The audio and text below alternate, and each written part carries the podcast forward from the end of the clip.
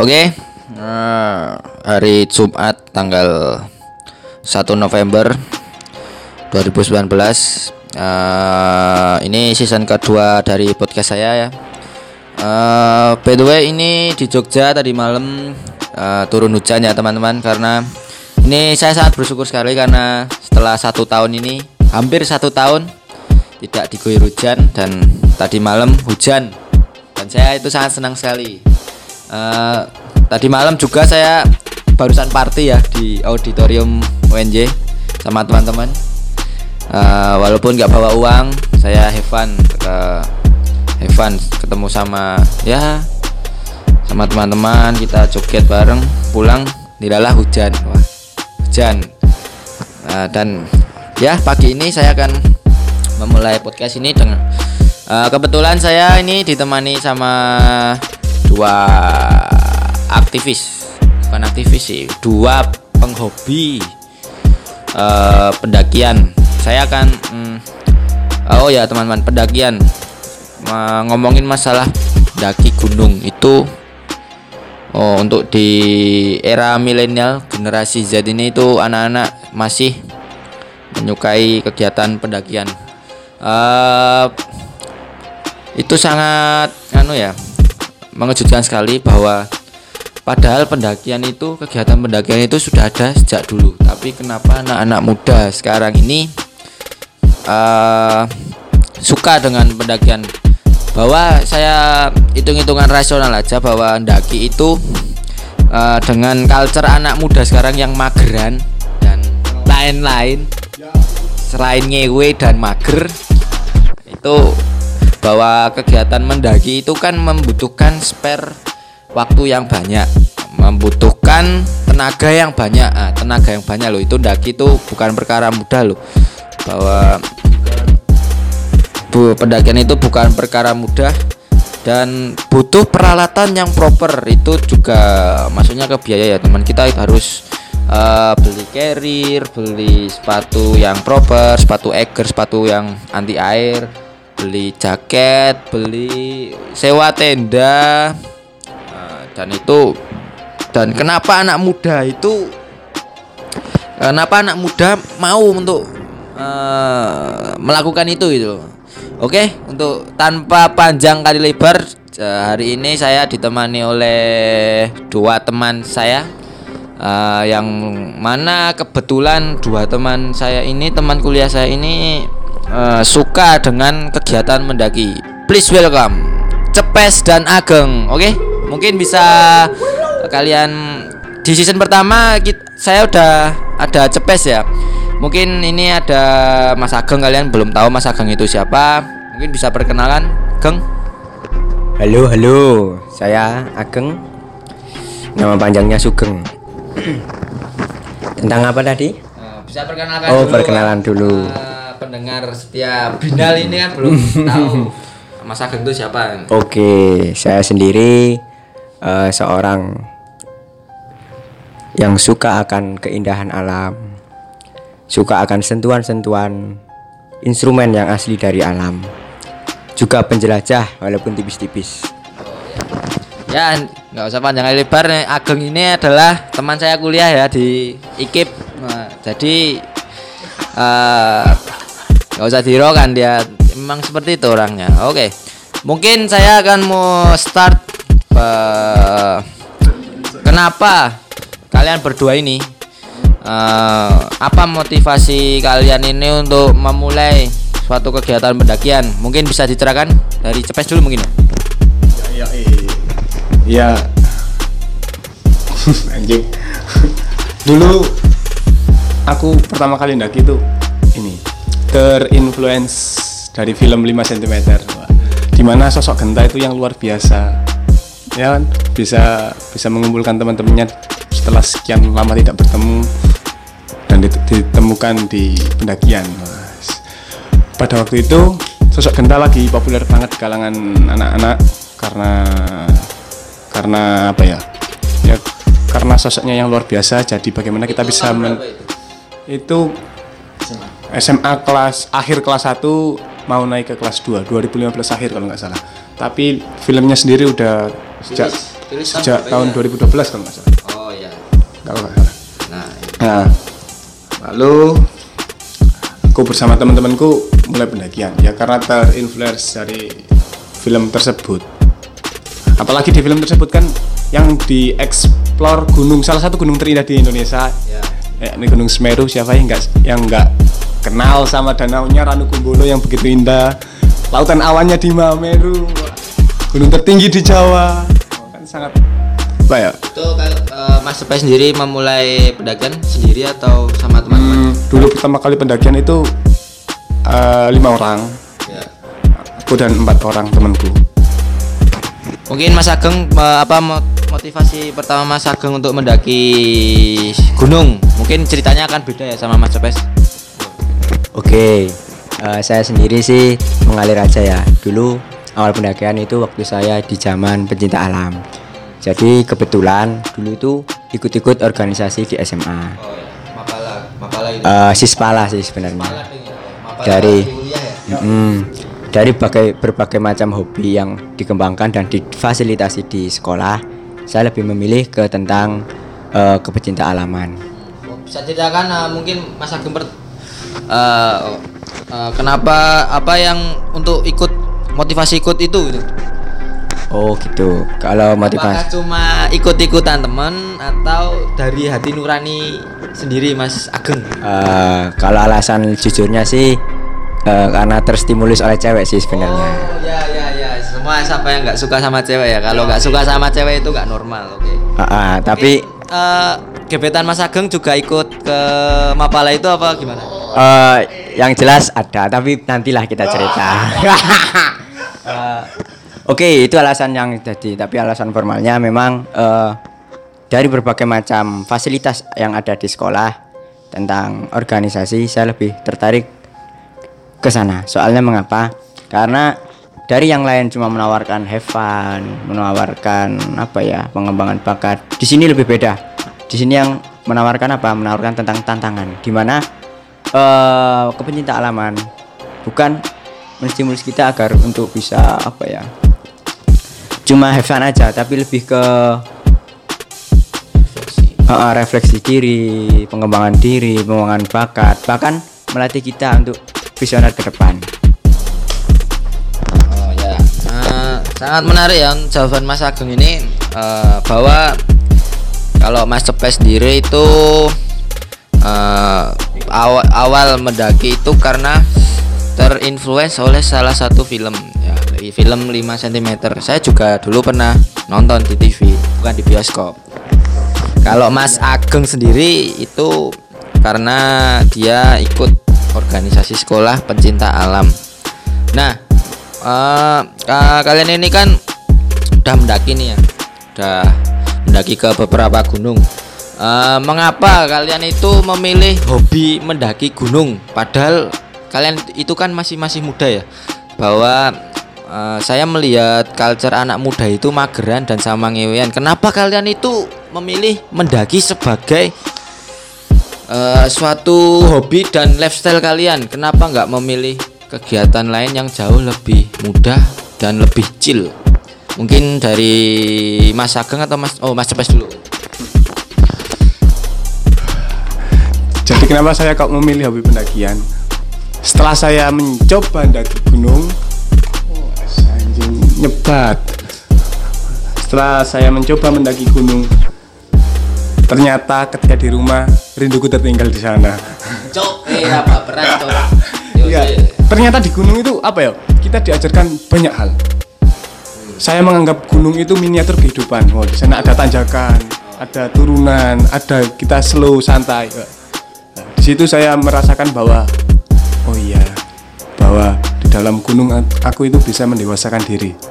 Aku bisa belajar merefleksikan diri, menahan emosi, menahan ego. Bagi- begitu apa ya? Begitu susahnya untuk menggapai puncak. Lah, dan juga kebersamaan. Nah, mungkin banyak hal positif yang saya temukan di gunung, jadi saya memilih pendakian sebagai salah satu hobi saya. Oh ya menarik sekali karena eh, Mas Pes ini me- mengaitkan dengan bahwa gunung itu adalah sebuah miniatur miniatur kehidupan. Ya. Mungkin Mas Ageng punya jawaban yang lebih menarik karena eh, kenapa eh, Mas Ageng memilih kegiatan mendaki? Kenapa nggak yang lain? Di dalam kepencinta alaman banyak sekali eh, tawaran-tawaran. Ada terkait caving, penelusuran goa, ada terkait climbing tentang eh, naik menaik panjat tebing, ada diving tentang laut dan penyelaman. Tapi saya lebih suka memilih tentang mountaineering, yaitu pendakian. Oh ya, sekedar tambahan, salah satu stimulus dari Mas Cepes tadi bukan hanya 5 cm. Saya termasuk stimulus dari Mas Cepes secara tidak langsung. Karena waktu itu gerombolan Mas Cepes itu ada salah satunya yang pertama kali ikut pendakian karena saya ajak. Jadi kira-kira saya stimulusnya Mas Cepes. Anjing, anjing, anjing, anjing. Bukan eh, meninggikan saya, tapi cuma sombong aja. Aduh nyemplung ya ya. Oke. ah, ya sangat menarik sekali jawaban dari dua orang pemuda ini yang selalu ambiar ini ya. Eh, eh, btw ini Mas Ageng sama Mas saya juga dulu eh, pernah mendaki tapi mendaki gunung yang tidak tidak terlalu hardcore. Ya bukan gunung sih itu apa ya? Semacam pegunungan lah. Eh, dari saya pribadi sendiri kalau kegiatan mendaki itu adalah sebuah wadah untuk mengetahui karakter teman-teman kita. Jadi saya sedikit flashback ya teman. Dulu dulu itu saya mendaki lah sosokan mendaki dengan teman-teman desa saya. Dan pas mendaki itu Nah ini pas mendaki itu eh karakter teman-teman saya itu terbongkar. Yang mulai egois, yang mulai rokok era oleh dijalui, yang mulai sing penting ke awake dhewe, yang mulai nggak mau bantu-bantu masang tenda, masang tetek bengeknya dan itu eh, saya ambil positifnya saja bahwa oh ini toh eh, mendaki itu seperti ini. Padahal eh, dari Nah, warga desa saya sendiri itu kegiatannya cuma mabuk, mendem, sok-sokan ngarep daki gunung lah kui. Eh, nah, Oke, langsung aja. Eh, mungkin eh, dari kegiatan mendaki ini kan kalian berdua ini mendaki itu punya goal sendiri ya, teman-teman. Mungkin eh, apa goal dari goal atau tujuan untuk kalian mendaki itu apa? Mungkin dari Ageng atau Mas? Ageng dulu ya. Oke, goal ya. Semua orang pasti punya goal dan sebelum itu saya setuju terkait tadi di dalam pendakian memang nanti akan keluar karakter-karakter masing-masing karena gunung merupakan miniatur kehidupan di mana kita nanti digembleng oleh alam secara langsung untuk menundukkan ego kita masing-masing. Tentang goal, wah sangat banyak goal yang bisa dicapai di pendakian. Setiap orang pasti beda-beda kan? Oh, oh, pasti beda-beda dan ketika kita ukur itu nggak bisa adanya cuma kita bisa mengukur diri kita masing-masing kalau dari Sugeng sendiri eh goal yang paling saya capai yang pengen saya capai adalah itu tadi gimana caranya Ageng dengan beribu egonya bisa menundukkan minimal bisa mengatur itu semua selaras dengan dirinya sendiri. Kenapa? Karena di dalam dunia realitas, di kehidupan nyata, di kehidupan kerja sehari-hari, memang eh, pengaruh ego itu sangat besar, di mana eh, harus kita latih sedemikian hingga sehingga kita bisa menselaraskannya dengan kehidupan. Dan gunung adalah salah satu tawaran yang baik dan fasilitas media untuk itu. Itu goal saya. Ya, sangat menarik. Mungkin Mas Cepes mempunyai goal yang berbeda dari Mas Ageng sendiri ini. Bisa diceritakan? Ya kalau aku goalku kalau di gunung itu mungkin aku bisa menemukan diriku siapa sebenarnya diriku yang sebenarnya. Karena di dalam apa ya di dalam dunia pendakian itu apa di dalam gunung maksudku itu natural banget. Kalau boleh mengutip kata-kata Firsa Bersari kenapa saya suka gunung? Karena di gunung nggak ada drama kayak di kota. Nah, kan lebih natural banget. Jadi aku bisa lebih berkontemplasi di gunung bisa merenung Nah, dan bisa mencari jati diriku sebenarnya aku ini siapa ya eh, sangat menarik ya jawaban mereka. Kalau dari segi saya sendiri ya, kayak yang mempunyai pengalaman mendaki gunung. Saya, saya itu mendaki gunung cuma sekali waktu itu zaman SMA. Kalau saya itu memandang karena saya ini baru pertama kali ya, belum belum eh, s- belum se expert mereka mereka berdua ini kalau saya memandang gunung itu masih sebatas wisata dan waha- wahana kita bersyukur kepada ciptaan Tuhan. Salah satunya juga itu karena saya sosokan musisi juga gunung itu bisa eh, sebagai lahan inspirasi dari apa yang kita akan produce ya. Saya saya dulu itu ke gunung dan banyak sekali inspirasi yang akan saya tulis dalam lagu saya walaupun lagu saya itu metal horok-horok nah nggak apa-apa nggak apa-apa nggak apa-apa itu bisa jadi inspirasi. Eh, mungkin itu yang eh, goal saya yang yang selama ini dan goal berdua mereka berdua ini. Mungkin bisa diceritakan mas mas Ageng sama mas Cepes ini gunung apa yang pertama kali gunung apa yang pertama kali mas Cepes daki? Nah, mungkin me- memiliki memiliki cerita yang beda atau sama ya dari siapa ini Cepes Mungkin kalau gunung pertama kali didaki ya, kayaknya kita berdua sama. oh kalian itu daki pertama bareng Enggak, enggak, enggak. Tapi gunungnya sama. oh ya ya Gunung apa? Penanggungan. Oh, penanggungan itu Penanggungan itu gimana itu? Penanggungan itu penanggung lebih tepatnya penanggungan via Tamiajeng. Gunung Penanggungan itu terletak di Trawas, masuk ke resi- eh, masuknya di Pasuruan, kakinya Mojokerto. Ya, Pasuruan sama Mojokerto kakinya. Lewatnya Nah, lewatnya Tamiajeng via Tamiajeng. itu kabupaten mana itu? Kabupaten Pasuruan, Pasuruan. Pasuruan, Mas. Hmm, Trawas Pasuruan.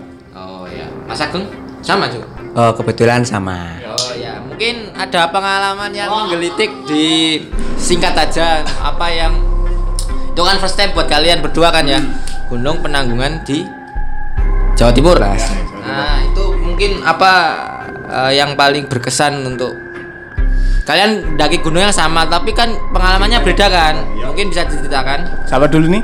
Ya cepet dulu lah. Oke. aku ini berbeda sama Ageng. Kalau Ageng kan sudah memiliki bekal di kepecinta alaman, kalau aku enggak. Be- Oh, independen. bekalku pada saat pertama kali di penanggungan. Jadi aku pertama kali ke penanggungan itu nggak punya sama sekali material knowledge tentang pendakian, nggak punya sama sekali. Benar-benar apa ya awam dan nggak tahu apa-apa tentang dunia pendakian, asal nekat. Pang. Nah, jadi dulu pertamaku itu nggak bawa kompor, bawanya itu pampers sama sama spiritus buat nyalain api dan ternyata nggak bisa karena nggak tahu teknisnya. Pendakian pertama yang nggak boleh pakai celana jeans, eh yang nggak nggak prefer pakai celana jeans, kita dulu pakai celana jeans dan betapa susahnya mendaki dengan pakai celana jeans. Nah, tapi dengan kesalahan-kesalahan yang pernah aku alami di saat pertama kali pendakian saya belajar. Saya mulai belajar.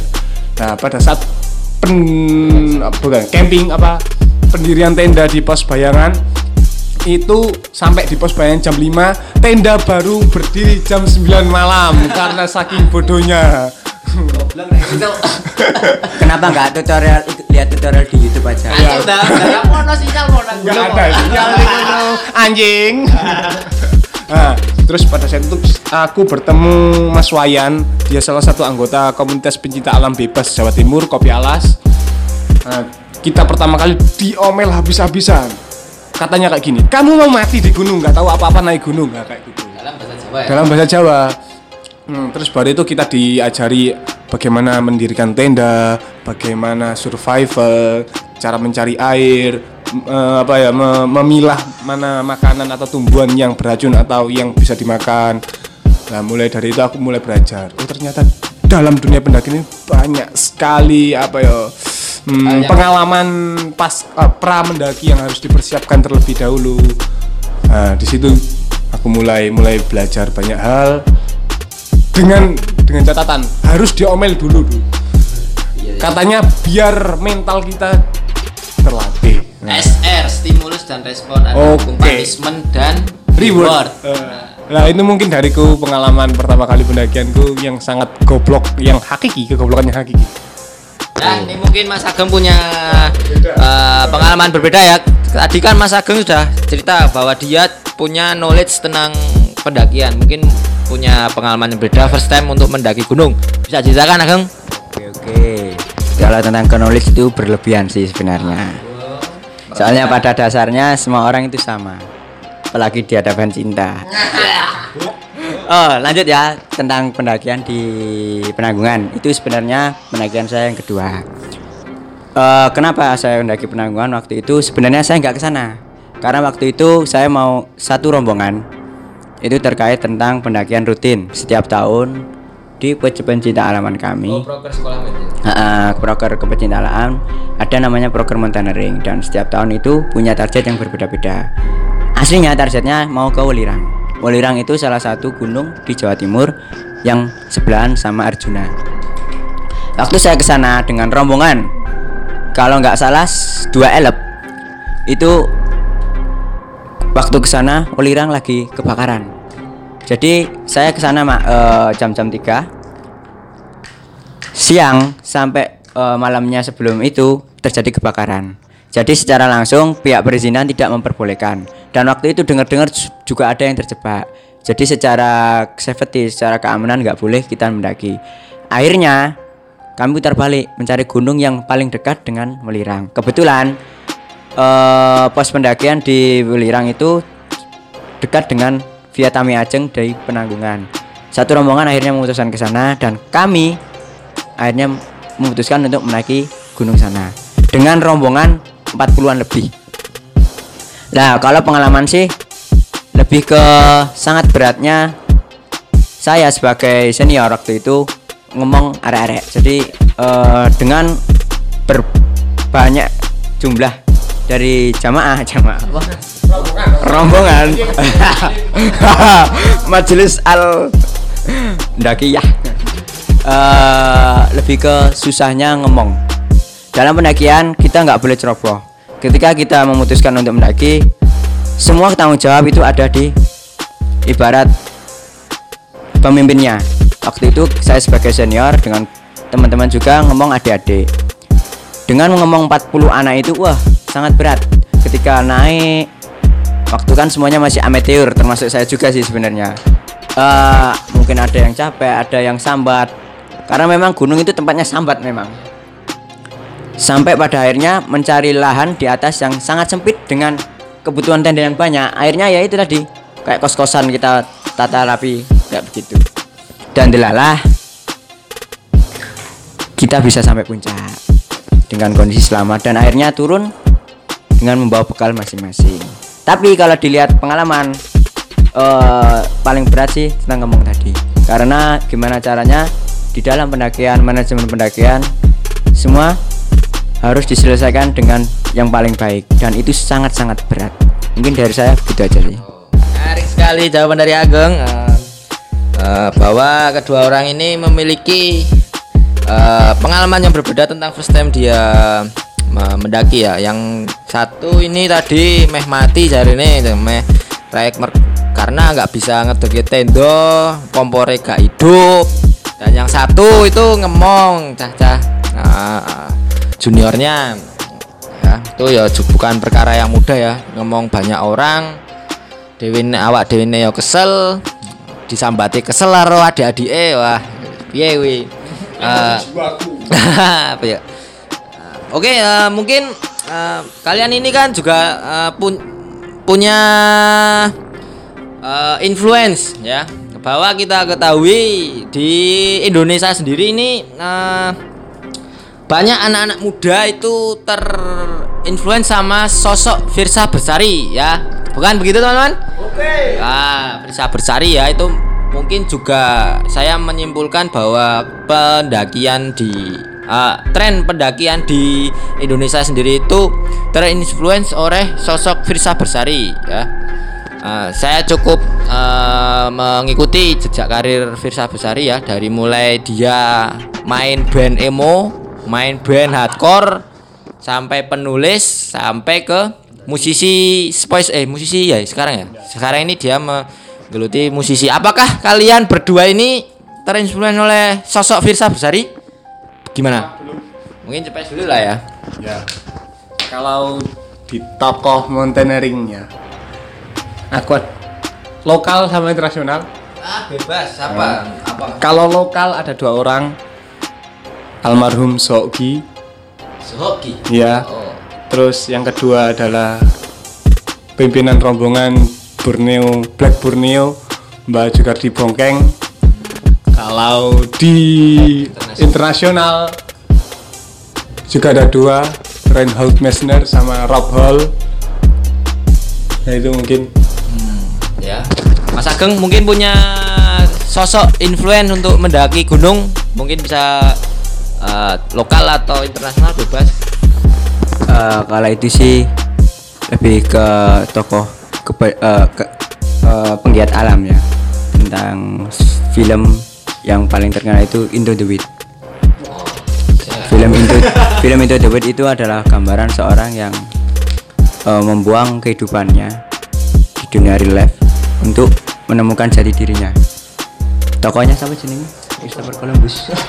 Christopher McCartney. Ah, ah, kalau nggak salah itu nanti di searching sendiri ya. Dan dia sangat menstimulus saya karena di kehidupan alam menawarkan berbagai macam pilihan yang kita tidak bisa cari di kehidupan kita masing-masing, terutama kehidupan kota. Di dalam sana sangat banyak hal yang bisa dipilih, bisa diulas, bisa dicari dan sangat jujur. Itu poin paling penting. Sangat jujur. Sangat jujur. Oh ya, berarti suatu hipotesis saya itu tidak apa terpatahkan ya karena anak-anak muda itu tidak selalu terinspirasi oleh sosok Firsa Besari. Saya kira saya kira lo ya teman-teman pendengar setiap binal. Nah, nah, bahwa tren anak muda sendiri ini terpengaruhi oleh Firsa Besari yang mendokumentasikan kegiatan eh, pendakian dia ke YouTube lah, langsung eh, anak-anak muda terinspirasi. Ternyata tidak teman-teman. Saya me- me- menarik kesimpulan dari kedua pemuda yang teramat pang ini bahwa ternyata sesosok Cepes dan Ageng sendiri itu memiliki influence yang berbeda. Nah, mungkin eh, ya eh, kalau saya sendiri saya jujur teman-teman saya itu terinspirasi oleh Wirsa Besari ya ya karena eh, dulu juga saya punya proyekan vlog sama anak-anak desa itu kan ya salah satunya saya menonton model pembuatan videonya anak eh, si Firsa Bersari ya. Secara tidak langsung anak-anak desa saya itu mengikuti eh, yang diidolakan ya ya salah satunya Firsa Bersari.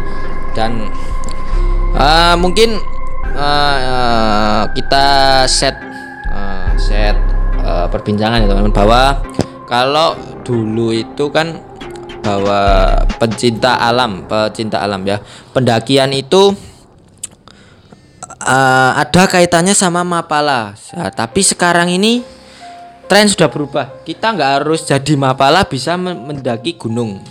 Ya kan teman-teman? Oke. Eh, mungkin bisa diceritakan tren itu eh, bahwa kita ndaki itu nggak harus jadi jadi mapala loh. Bahwa tapi itu mungkin bisa dijelaskan lah ya. Saya sangat awam sekali untuk hal pendakian. Mungkin cepes gambaranmu tentang mapala dan pendakian dan tren sekarang ini harus nggak harus loh jadi jadi eh, anak pencinta alam. Mungkin bisa cerita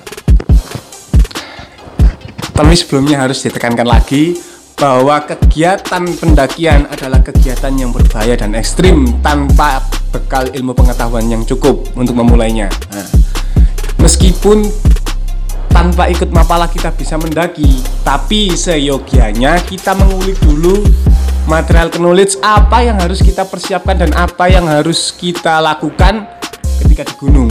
Karena banyak banget resiko yang akan kita ketemui di gunung. Nah, aslinya ikut mapala atau tidak, mapala itu hanya sebagai jembatan agar kita apa ya, agar kita bisa lebih prepare lagi untuk pendakiannya. Sah-sah saja kalau tidak tidak ikut mapala tapi daki gunung, tapi dengan catatan harus ya itu tadi harus mempersiapkan segala hal dan resikonya harus ditanggung sendiri Ya, itu sangat menarik jawabannya. Nah, ini saya akan mengulik sosok sosok Ageng yang dulu ikut nah, organisasi Mapala-Mapala ini. Mungkin bisa dijelaskan pandangan kamu Oke, terkait pendakian tanpa bekal ya. Eh, semua orang sudah pasti paham ketika kita mau melakukan sesuatu yang berisiko seyogyanya tetap kita belajar. Ah, untuk tentang harus ke penyerta alam sih nggak nggak nggak pasti begitu. Ibaratnya apa ya? Bahkan di gunung pun itu sudah mendidik kita. Jadi tanpa kita sekolah kepenyitaan pun secara nggak langsung kita dididik oleh alam, dididik oleh gunung. Tapi sangat-sangat berisiko ketika kita langsung pasrah. Men apa ya pasrah men- menyerahkan diri terhadap langsung gemblengan oleh alam. Soalnya pada dasarnya eh uh, individu itu beda-beda. Dan menurut saya saya juga sebagai kepencinta alaman memang harusnya memang begitu. Kita harus belajar dulu sebelum nanti me, me- apa ya belajar sebelum nanti kita langsung terjun di gunung. Soalnya di kepencinta alaman banyak sekali disiplin-disiplin ilmu yang bisa ditawarkan bisa kita pakai untuk menghadapi kejadian apa pun yang nanti ter- terjadi di gunung. Sangat banyak terkait survivor tentang bertahan hidup tentang eh, kepemimpinan tentang eh lain tentang mental tentang fisik semua dikaji semua diulik. Bahkan tentang gunung bahkan pengetahuan di dalam gunung itu sangat banyak disiplin ilmunya. Dan eman ketika kita terjun ke gunung kita mencoba pendakian tanpa punya bekal. Tapi semisal kita bukan orang kepecinta alaman dan ingin mendaki gunung setidak-tidaknya carilah orang yang berpengalaman. Cukup satu aja sebagai guide mungkin sebagai apa ya leader lah. Soalnya apa sangat-sangat berisiko ketika kita berada di alam. Karena mereka lebih apa ya lebih tidak terduga lingkungannya daripada lingkungan yang kita pahami. Bahkan saya sendiri yang ibarat sedikit punya bekal pun sangat kewalahan ketika di gunung karena apa ya banyak hal yang tidak terkira gitu loh. Dan momentum-momentum itu wah sangat menguras tenaga ketika kita nggak siap-siap. Pesan dari saya eh cari bekal itu perlu Oh, sangat menarik sekali bahwa eh, ya sangat benar sekali ya yang dikatakan oleh Mas Ageng karena ya kita kalau mau menghadapi sesuatu yang kita hadapi di depan kita harus punya standar ilmunya dulu. Kalau enggak kita akan keteteran teman-teman. Ah, gini, saya saya ada satu pertanyaan yang menarik buat eh kalian berdua ya. Eh, mengapa ya? Di kepecintaan halaman itu Mapala satunya eh, mereka salah satu anggota dididik eh, semi semi militer kalau saya bilang itu. Mengapa dia di seperti itu kan? Mungkin ini kan paradigma yang berkembang di asumsi-asumsi yang ber, berkembang di masyarakat bahwa kalau kamu ikut Mapala kamu bakal digembleng loh Nah, itu kenapa eh, mereka itu diajarkan seperti itu sangat behavioristik sekali mungkin bisa dijelaskan siapa Pes Hmm. Ya, hal semacam itu masih menjadi asumsi publik bahwa diklat dari pecinta alam itu diklat yang keras. Kenapa kok seperti itu? Soalnya sebelum kita apa ya masuk gunung kan sebaiknya kita prepare dulu. Nah di gunung kan sangat random situation bahwa gunung itu tidak bisa ditebak. Jadi seharusnya kita juga mempersiapkan hal-hal terburuk jika terjadi apa-apa di gunung. Nah, kenapa kok didikannya keras? Karena kita membutuhkan fisik yang kuat agar bisa menghadapi situasi yang random tersebut. Mental yang kuat juga, soalnya apa ya? Mental itu salah satu faktor poin-poin utama dalam pendakian. Jadi kita juga harus mempersiapkan mental yang kuat se- se- se- se- terlepas dari fisik yang kuat. Ya kenapa kok didikan pecinta alam keras ya karena seperti itu. Ya kalau lembek kalau lembek ya tidur di rumah jangan naik gunung. Tapi ya tapi tapi di zaman sekarang kan sudah banyak apa ya peralatan gunung yang memanjakan. Ya. Banyak teknologi yang fasilitasi anak-anak mageran tapi tidak bisa dipungkiri didikan pencinta alam keras karena karena kita menghadapi alam semesta yang sangat random dan mut-mutan itu sangat hardcore mungkin Mas Ageng punya jawaban lain bisa dijelaskan Ah, Kak saya cuma memperdetail aja sih. Tadi udah digambarkan tuh sama Mas Cepes di mana memang konsep behavioristik. Oh ya, sebelum itu behavioristik sendiri itu adalah konsep di mana kita distimulus agar kita bisa kuat secara mental, secara fisik dan itu perlu adanya gemblengan. Konsep behavioristik sendiri kecenderungannya terhadap ke militeristik. Di mana orang-orang militer yang terdidik secara militer itu terdidik juga secara konsep behavior dan saya setuju sangat ketika memang didikan alam harus dididik secara begitu tapi untuk relevansi di kehidupan sekarang di zaman sekarang ternyata nggak perlu uh, saya terdidik secara behavior tapi peralihan ke konsep berikutnya. Saya utarakan masalah saya di kepenyintalaman mungkin nanti sebagai inspirasi di mana sebelum saya generasi-generasi sebelum saya terdidik secara militer. Bahkan sempat dulu langsung digembleng sama tentara. Sempat itu karena apa? Mungkin dulu sangat memperketat di mana gunung itu wah harus dipersiapkan betul. Namun di konsep modern di zaman modern ini kayaknya harus beda konsep. Kenapa? Sekarang orang daging tidak perlu ikut bencana alaman. Sah-sah saja. Tapi sebagai pencinta alaman yang mereka notabene orang-orang yang bertanggung jawab di bidang itu harusnya harus putar haluan di mana nggak harus kok kita gembleng secara mental secara fisik. Makanya orang-orang uh, kebencanaan modern zaman sekarang lebih ke indah haluan. Sekarang senioritas dianggap tidak melulu tentang benda-benda tentang uh, perpeloncoan tentang apa pun yang mungkin niatnya mungkin melatih mental. Tapi konsep modern sekarang nggak gitu. Sekarang kita coba membuat formula di mana para pecinta alam itu bisa beradaptasi di lingkungannya. Terkait tadi masalah orang yang tidak pencinta alaman pun bisa ndaki gimana caranya sekarang orang-orang e, kepencintaan dibuat sebagai para para pemikir para para inovasi baru. Oke secara mental mungkin mereka kurang karena mereka menjauhi itu. Secara fisik pasti ngedrop soalnya secara stimulus secara gemblengan dia nggak dibikin sekuat kayak Bima sekuat Gatot Kaca. Tapi gimana caranya dengan uh, pikirannya dengan manajemennya dengan inovasinya? Mereka memberdayakan orang-orang yang non pencinta alam. Soalnya urusan alam sekarang bukan dulu urusan alam itu cuma sebagai bahan apa ya? Uh, sebatas apa sih? Kayak mungkin hiburan. Soalnya ada lahan bermain namanya gunung kita ke sana. Tapi sekarang gunung-gunung sudah menangis. Sudah apa ya? Kebakaran ada di mana-mana. Eksploitasi besar-besaran. Uh, gunung yang mut-mutan katanya cepet tadi. Jeblok sana sini jadi ukurannya gimana caranya? Konservasi. Ya. Jadi gimana caranya? Apa ya?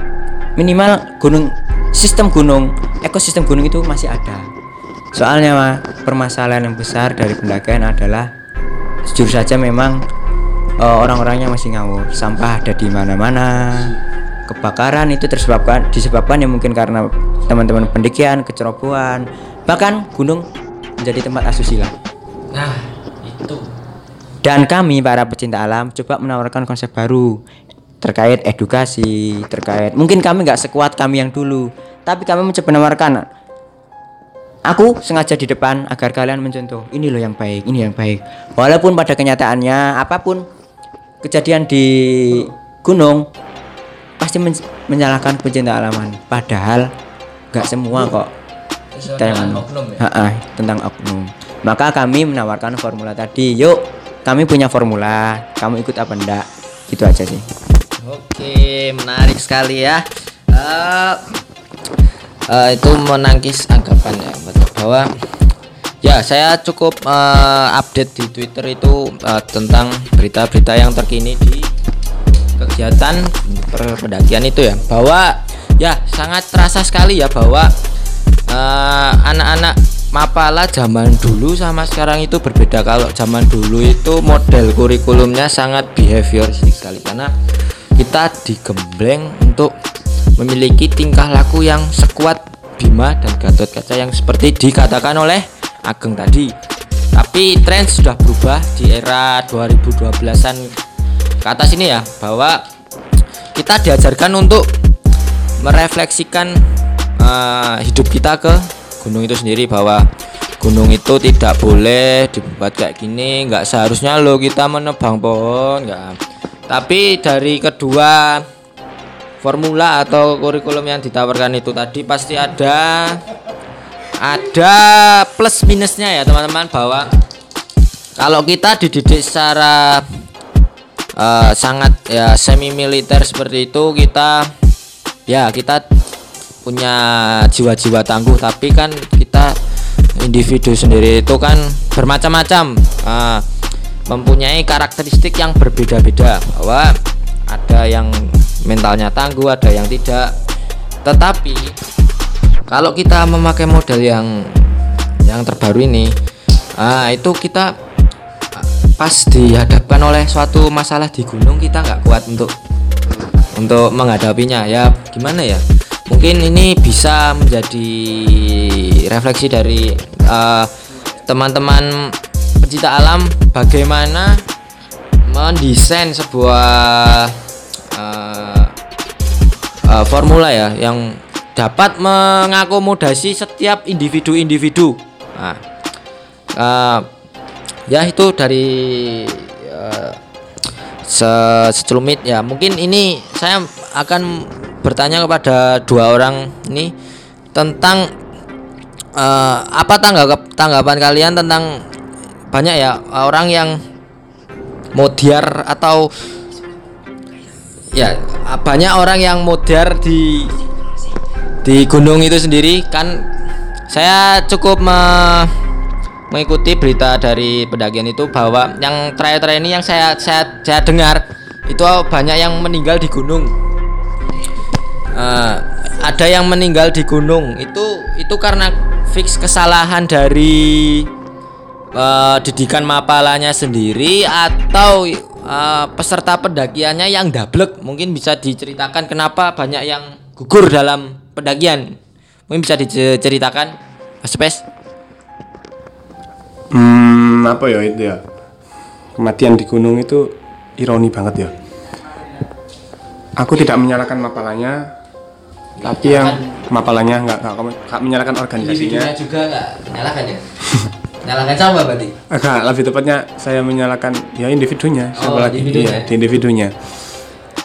Kebanyakan orang yang mati di gunung adalah orang yang menyepelekan gunung tersebut. oh berarti yang kan Iya, kebanyakan orang yang tidak mentaat, tidak kurang persiapan pertama.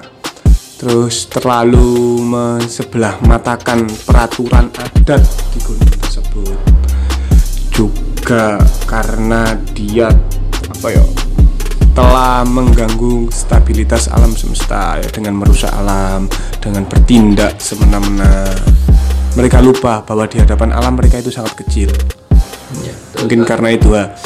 karena individu-individu yang seperti itu mentalitas-mentalitas seperti itu yang menyebabkan kenapa kok semakin canggih peralatan outdoor tapi semakin banyak juga orang yang mati di gunung. Kan sebuah ironi banget.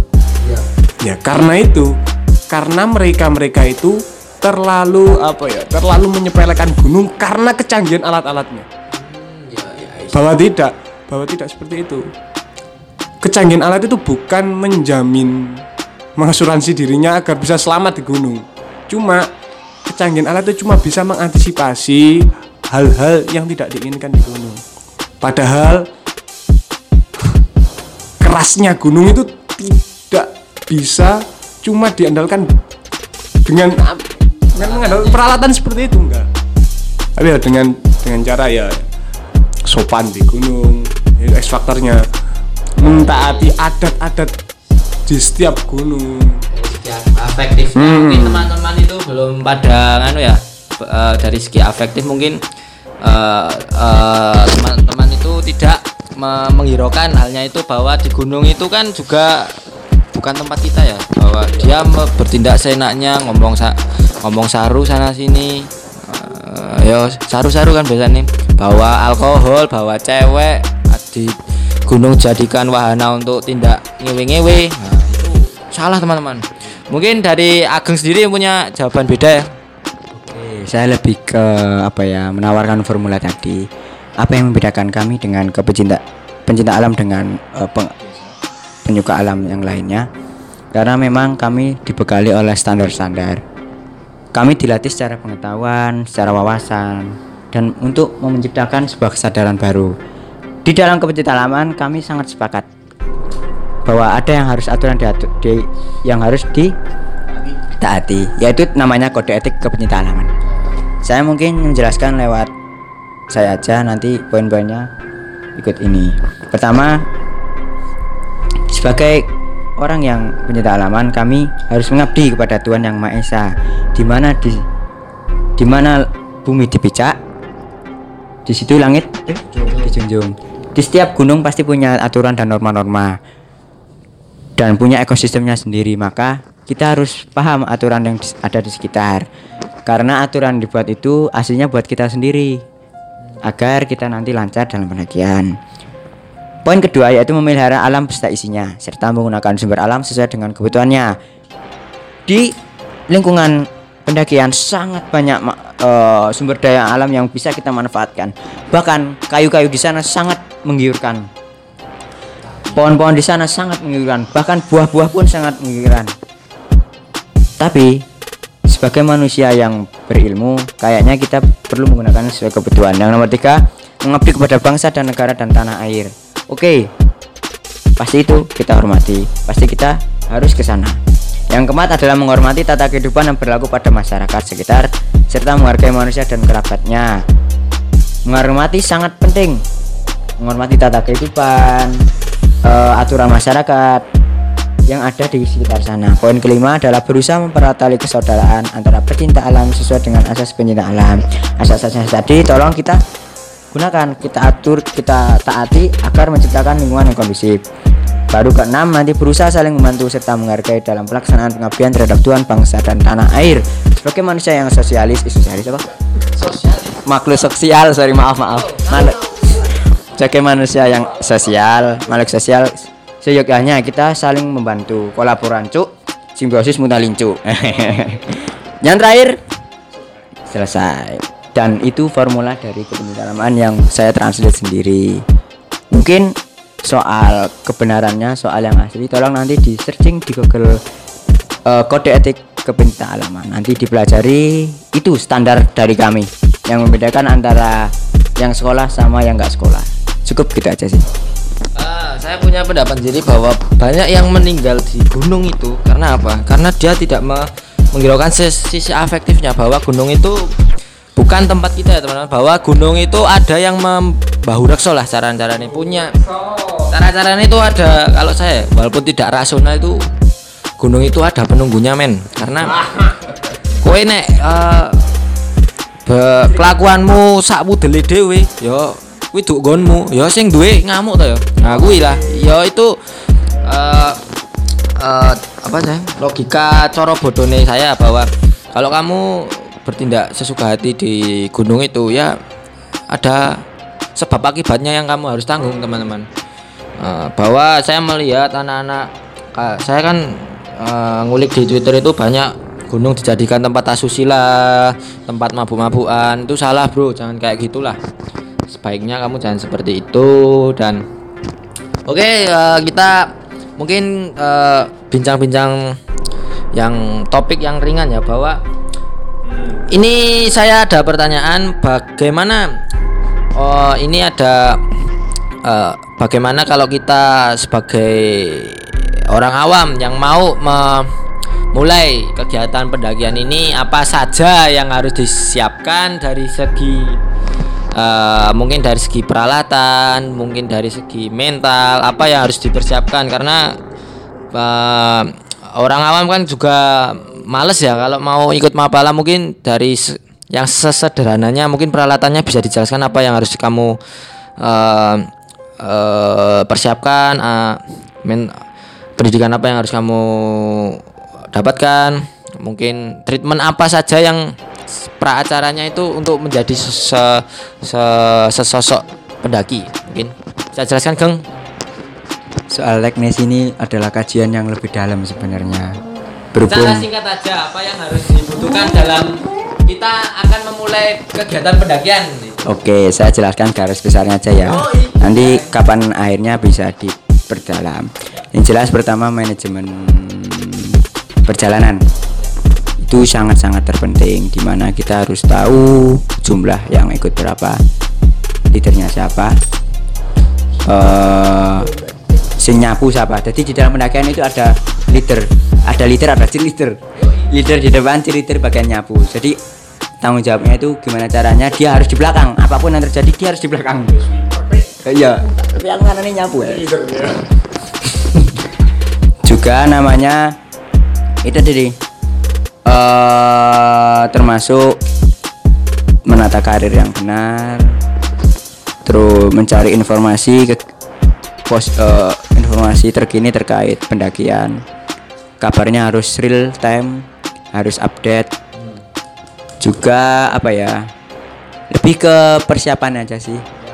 Fisik dan mental. Kalau fisik oke yang paling sederhana dari fisik itu yang bisa kita capai yaitu coba kita apa jogging lah ibarat yang paling gampang jogging di tangga.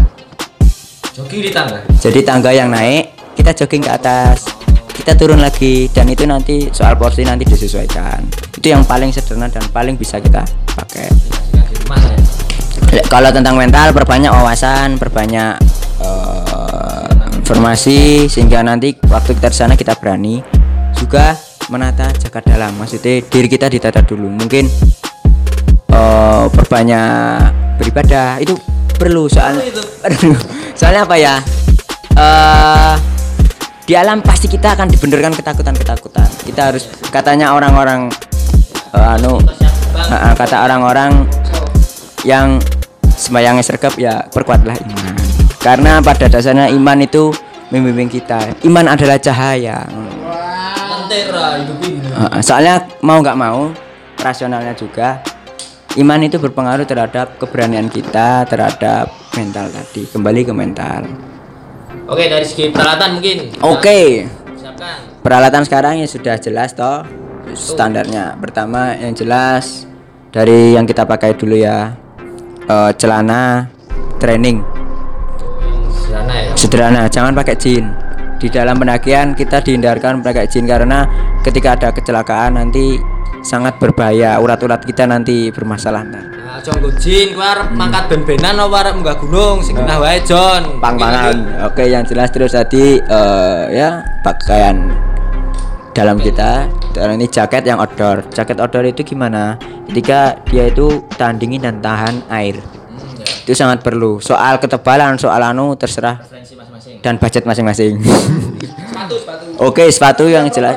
Sepatu outdoor yaitu di mana dia itu sangat melindungi oh dari ujung jari kita sampai ke tungkak sampai pokoknya kaki kita terlindungi. Ah, s- sepatu sneakers dianjurkan tidak ini? Waduh, sneaker ini. Sneakers tuh ya kayak sepatu-sepatu punyaku yang kuliah itu loh. Oh, jangan-jangan. Jangan. Soalnya di lantai gunung itu sangat bahaya. Oh, licin ya, licinnya itu ya. Kalau nggak licin ya banyak batu. Wah, eman. Man-man. Parah juga ya. Terus juga yang paling penting itu Carrier, carrier. carrier Kalau kita pakai carrier, carrier itu kan ya besar ya. Kalau kita pakai ransel biasa bisa nggak itu? Bisa saja. Sekarang ada karir yang berbentuk ransel namanya diepack. Oh, Itu bisa kita pakai. Tapi kalau itu mencukupi kebutuhan kita. Karena kenapa kok digunakan karir? Karena banyak kebutuhan yang harus dibawa wajib. Dan itu bisa dianu di carrier. Tapi kalau diepack mencukupi nggak apa-apa. Hmm. Neng penataan dari carrier sendiri itu jangan ngawur karena ada manajemen carrier di mana penataan itu manajemen packing itu sangat berpengaruh terhadap apa ya jalannya pendakian. Soalnya eh, nanti sakit di punggung sih sebenarnya. Mas Sepes menambahkan Apa? peralatan sebelum kita daki bagi pemula-pemula seperti saya apa aja? Mungkin prepare yang yang wajib untuk setiap individu adalah izin orang tua. Itu wajib, wajib. Hati-hati teman-teman yang udah kita tanpa izin orang tua. jangan ya lebih baik kita urungkan saja nah, terus kalau peralatan tenda sesuai kebutuhan kalau empat orang ya kita pakai tenda empat empat orang jangan terlalu Overload ya? overload atau terlalu sempit jangan. Terus juga pembawaan membawa matras. Kompor jangan lupa. Headlamp P3K itu kan sangat penting. Hmm. ya. Mungkin itu, itu. mungkin mungkin itu ya. Oke mungkin eh, sekian dulu eh, dari bincang-bincang tentang pendakian ini. Mungkin kalau eh, teman-teman mau mengulik lagi tentang pendakian mungkin bisa DM di Instagram saya di eh, @helilujah underscore. Nah, mungkin Mem- mungkin teman-teman men- eh, tertarik dengan kegiatan pendakian ini. Setelah saya cerita panjang kali lebar mungkin bisa bahwa daki itu asik loh teman-teman. Bahwa banyak sekali eh, momen dan pesan yang tersirat dalam gunung itu sendiri. Oke saya akhiri podcast saya tanggal 1 November 2019 Eh, tetap semangat tetap menginspirasi banyak orang Nah, segera eh, podcast ini akan segera liris di eh, Spotify. Tunggu aja teman-teman di tanggal nanti mungkin nanti malam saya akan.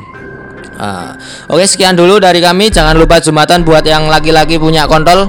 Ah, salam lestari, salam ngencelik anti ekstasi. Bye bye. Saya Leluja. Un pamit undur diri. Terima kasih teman-teman. Salam ngencelik. Aku seneng